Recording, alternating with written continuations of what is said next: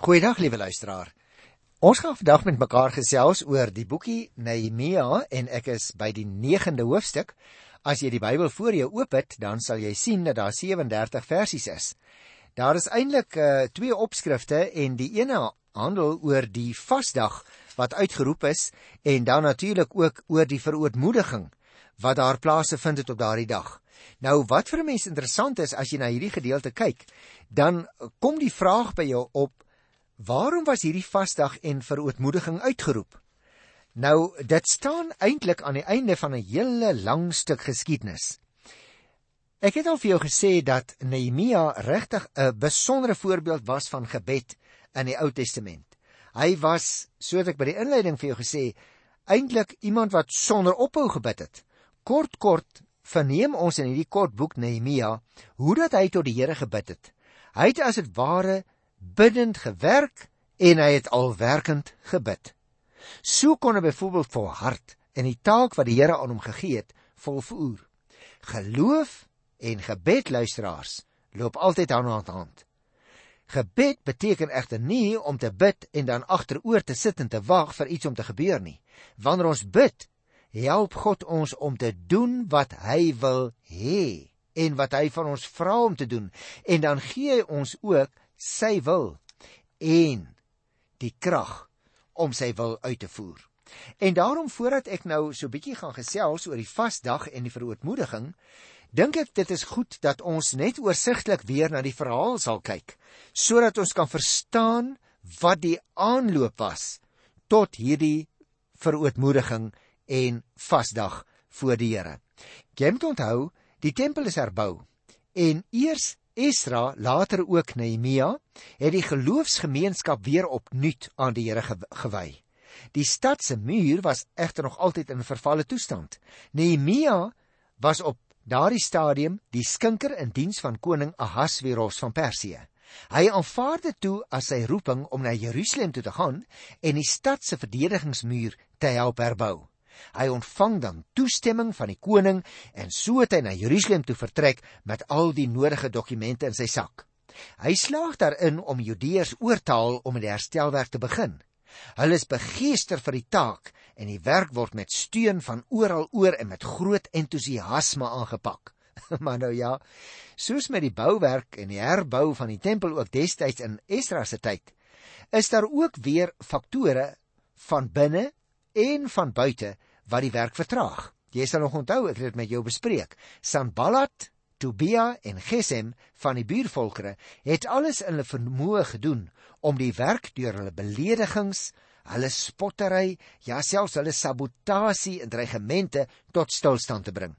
In die geleedere van die Judeërs self maak die gierigheid van die geldeisers dit onmoontlik vir die minderbevoorregte landgenote om ook deel te hê aan die werk.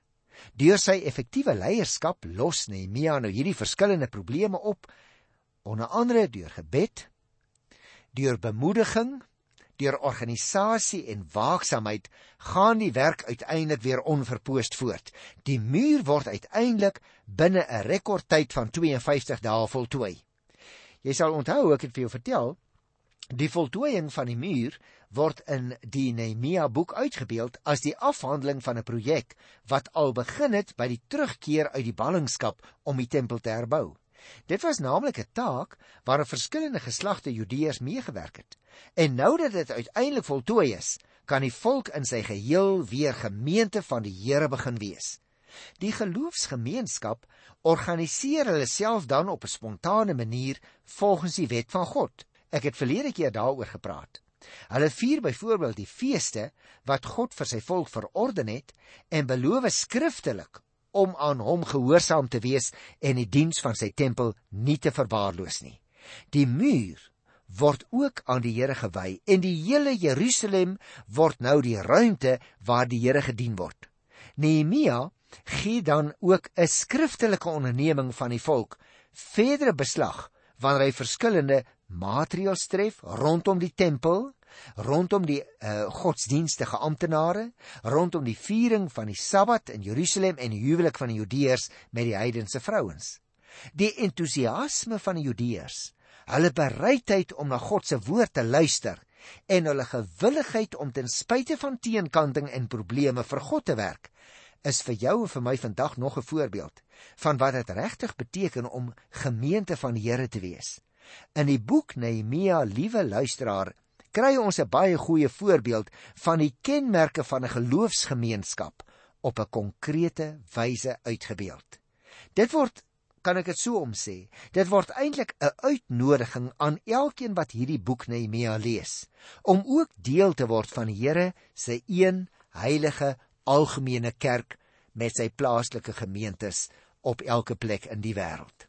Nou ek dink as 'n mens nou in kort vir mekaar ook weer herinner het aan hierdie stuk geskiedenis, dan verstaan 'n mens net soveel beter waarom die uh, Judeërs van destyds nadat die werk voltooi is van die herbou van die tempel en uiteindelik ook nou die afhandeling van die stadsmuur wat stukkend was nog al die jare so lê 'n klomp dekades al nou is dit voltooi en wat is die regte oomblik om dit nou te vier nou dat hulle klaar is en hoe doen hulle dit deur 'n dag wat hulle noem 'n vasdag uit te roep ek wil eers net die eerste versie lees. En dan gaan ek so 'n bietjie met jou daaroor gesels want ek dink dis 'n baie belangrike gebeure.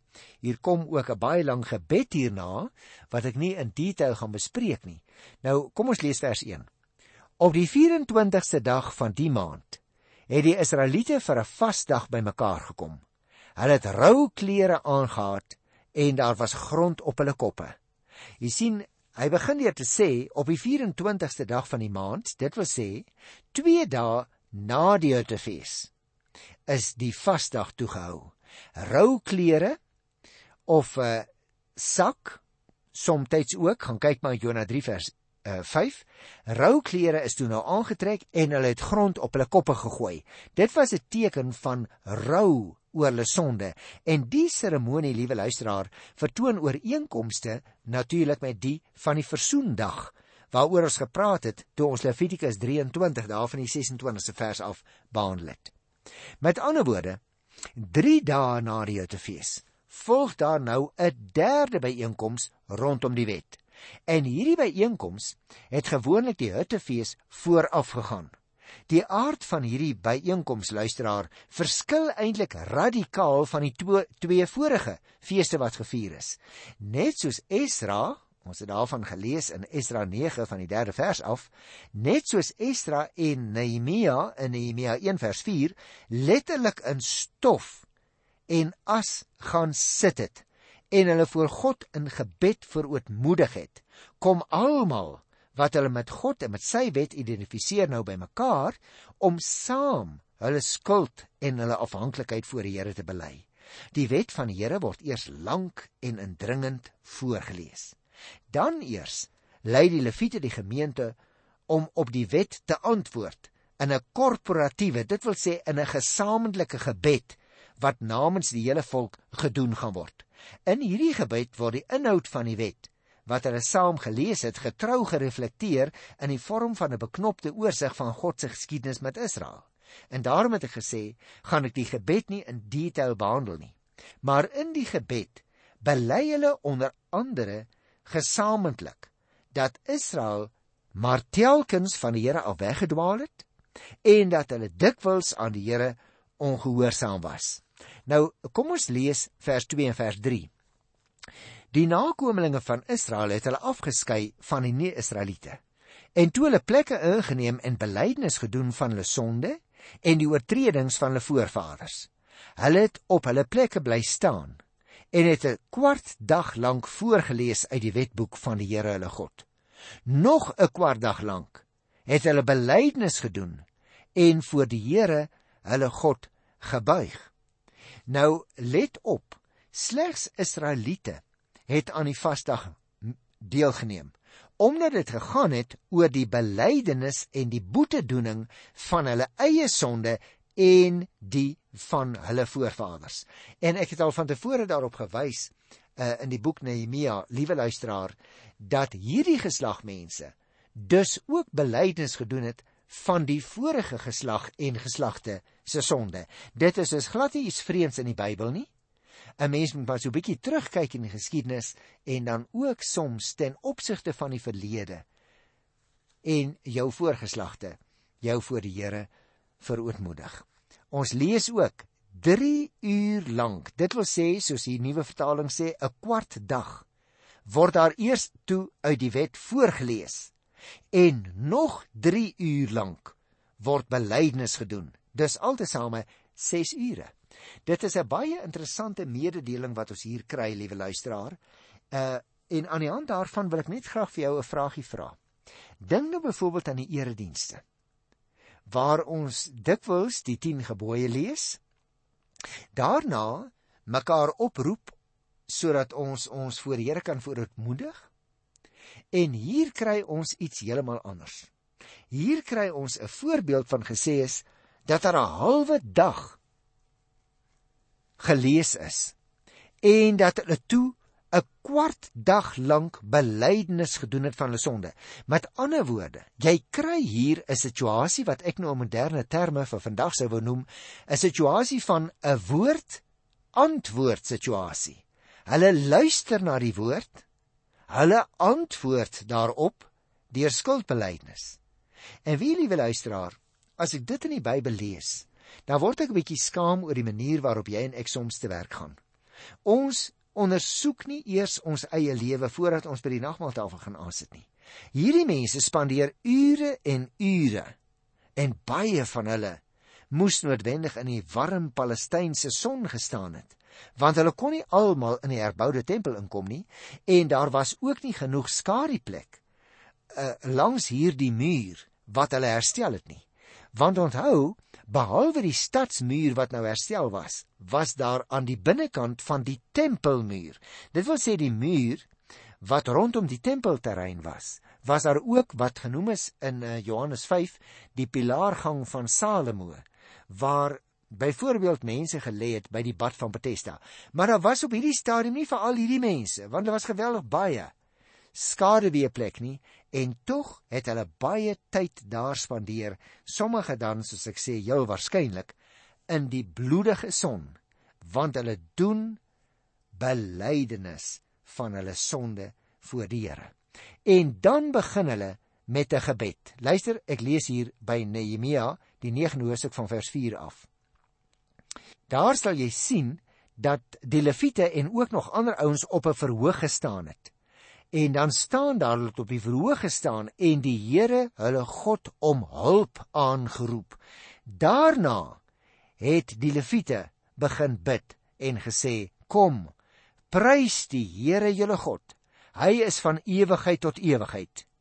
Toe het hulle die magtige naam van die Here geprys, verhewe bo alle lof en roem.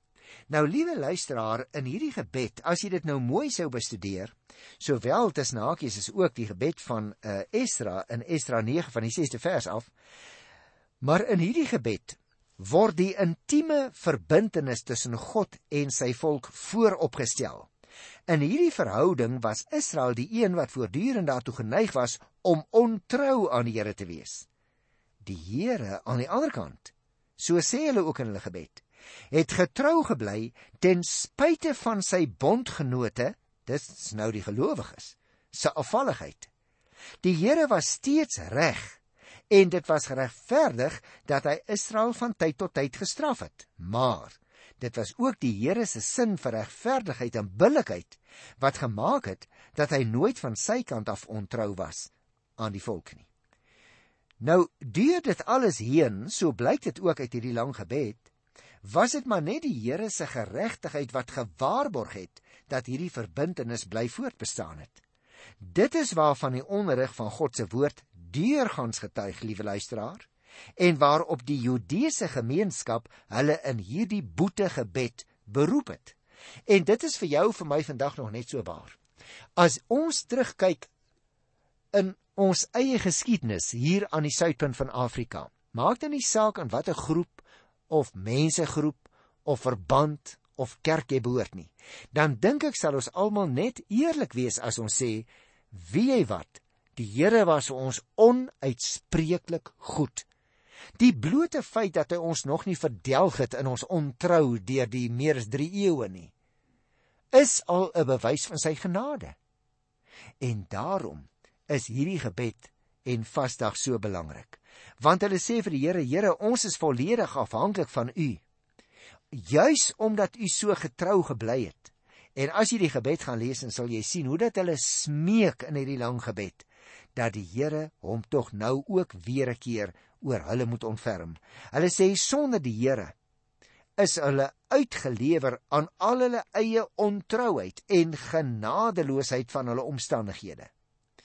Nou dit lyk dit vir my, liewe luisteraar, die gevaar waarvoor jy en ek ook staan, is dat ons God se verbintenis met ons as van selfsprekend aanvaar. Die oomblik as dit begin gebeur, moet jy onthou, dan verloor ons verhouding met die Here sy sprankel karakter van genade en van ontferming. Ons word dan in wese net so ontrou aan die Here as wat Israel deur sy hele geskiedenis geword het. En luisteraar, dit is waarvoor ons aanhoudend tot die Here moet bid om ons te bewaar van hierdie vorm van hierdie afvalligheid van hierdie stuk tradisie waarin ons soms vashaak en ons beleef niks meer van die sprankel karakter en van die genade van die Here in ons godsdienstige belewing nie. Hy moet ons altyd bewus hou van die wonder van sy liefde en van sy ontferming oor ons elke oomblik van elke dag. Dan luisteraar, as ons dit in ons lewens toelaat, dan is die lewe vir ons 'n gawe uit die Here se hand.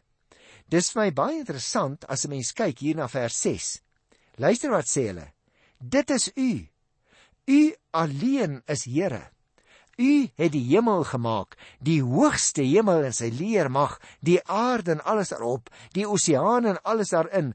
U laat hulle almal lewe. Die hemelse leermag buig voor u. Merk jy op, luisteraar, dit gaan oor 'n verwondering oor wie die Here is. Dat hierdie mense besef dit is alleen vanweë God se genade dat hulle bestaan en daarom verootmoedig hulle hulle ook op hierdie feesdag voor die Here. Ek wil graag dat ons hier spesifiek ook kyk na vers 20. U het u goeie gees gegee om hulle te onderrig. U het u manna nie van hulle terughou nie. U het vir hulle water gegee vir hulle dors. Dis wonderlik, liewe luisteraar, dat ons alreeds hier in die Ou Testament lees van die goeie gees wat u aan mense gee wat gelowiges onderrig. Jy kan gerus gaan kyk in Psalm 143 vers 10. En jy sien hierdie goeie gees wat met 'n hoofletter geskrywe word. Dit staan in kontras byvoorbeeld met die bose gees waarna daar in 1 Samuel 16 verwys word. Bovendien sê hy, die Here onderrig hulle nie net deur die goeie gees nie, maar hy het ook vir die voorgeslag die manna nie teruggehou nie. Hy het vir hulle water gegee vir hulle dors. Kyk maar, maak nie saak aan watter volksgroep jy behoort nie, liewe luisteraar, maar kyk maar net terug in jou eie geskiedenis en jy sal ook saam met hierdie mense en saam met my hier agter die mikrofoon vandag in verbasing staan oor hoe God sorg vir sy kinders ten spyte van ons ontrou. Luister byvoorbeeld na vers 21. 40 jaar lank het u vir hulle gesorg. Hulle het niks kort gekom in die woestyn nie. Hulle klere het nie versluit nie. Hulle voete het nie geswel nie. Nou hierdie uitdrukking, hulle klere het nie versluit nie. Hulle voete het nie geswel nie. Gee eintlik uitdrukking aan God se troue sorg gedurende die 40 jaar in die woestyn. Of dit werklik letterlik so was, dit weet ons nie, maar miskien was dit letterlik so. Die bedoeling van die uitspraak is wel belangrik, naamlik Here, U het tot in die fynste besonderhede vir ons voorouers gesorg, ook in daardie periode toe hulle op hulle woestyntog was. Luister 'n bietjie na vers 32. Ek wil dit graag vir jou lees, liewe luisteraar. En nou sê hulle, en nou ons God, groote God, magtig en onsagwekkend, U wat die verbond en die troue liefde in stand hou, moet tog nie al die ellende gering ag nie. Die ellende wat ons, ons konings, ons amptenare, ons priesters, ons profete, ons voorvaders, u hele volk getref het van die tyd af van die Assiriese konings tot vandag toe nie. Jy sien liewe luisteraar, hulle is besig om met die Here te praat en hulle hart uit te stort en met die uitdrukking byvoorbeeld en nou hier in vers 32 word as 'n beroep op die Here gedoen op sy barmhartigheid en word daar nou ook tot 'n nuwe element oorgegaan naamlik God doen sy kant van die verbond gestand God so staan dit daar moet nie al die ellende wat die volk ervaar het gering ag nie want so wat hulle omdat die lyding dien tot verzoening van die sondes van die volk. Jy sien liewe luisteraar, die hy hy noem verskillende groepe. Die volk word deur 5 groepe verteenwoordig. Die konings, die amptenare, die priesters, die profete en die voorvaders. Dit is dus in gewone terme gesê, dit is die hele volk wat hulle voor hom verootmoedig. Dit wil sê die hele geloofsgemeenskap wat destyds weggevoer is en wat nou deur 'n ander nuwe geloofsgemeenskap voor die Here staan. Want hulle meer as 'n 100 jaar daartussen. Dit beteken dat jy en ek ook as deel van 'n nuwe geloofsgemeenskap voor die Here kom van Sondag tot Sondag in die erediens. Mag ek dus nakies jou vra, is jy deel van daardie erediens? Is jy deel van daardie mense wat sonde kom bely? is jy deel van die mense wat hulle vreugde in die Here by hernuwing kom belewe. Want jy sien ons gaan nie net om te bid en te bely nie, maar ons gaan ook om te deel in die vreugde daarvan om elke dag nuut in die genade van die Here te mag deel. Het jy dalk so in die gewoonte gekom dat jy net altyd oor jou eie sonde praat? Dat jy soms nie meer die tyd het en die oog daarvoor het om raak te sien wat die Here vandag nog elke dag nog vir jou doen nie. Luister na vers 33. In alles wat oor ons gekom het, was u regverdig. U het reg gedoen. Ons verkeerd. Is dit nie wonderlik dat hierdie mense so eerlik en opreg dit bely nie? Want jy en ek soek dikwels so verskoning. Ons sê vir die Here, Here, ons weet U is regverdig. Ons weet ons is sondig, maar hierdie mense sê niks van 'n maar nie. God is regverdig omdat hy volgens 'n vaste norm handel. Met ons hier in die teks vers 31 word die aandag van die voorvaders na die huidige geslag toe verskuif. In werklikheid is die voorvaders en die nageslag 'n een eenheid in hulle sonde voor die Here. En daarom luisteraar, moet jy en ek ook maar partykeer hand in eie hart steek. Wanneer dit by onsself kom, o ja, maar ook wanneer dit oor die optrede van ons voorouers gaan. Ek wil graag afsluit hier by uh, Nehemia die 9de hoofstuk van vers 34 af. Uh luister bietjie daarna. Ons konings, ons amptenare, ons priesters, ons voorvaders het nie u wet gehoorsaam nie nie gelet op die gebooie, u verordeninge waarmee u hulle gewaarsku het nie. Hulle konings het nog geregeer en hulle het nog u groot goedheid geniet wat u hulle gegee het en in die wye vrugbare land gewoon wat u aan hulle gegee het. Al het hulle u nie gedien nie en hulle nie bekeer van hulle slegte dade nie.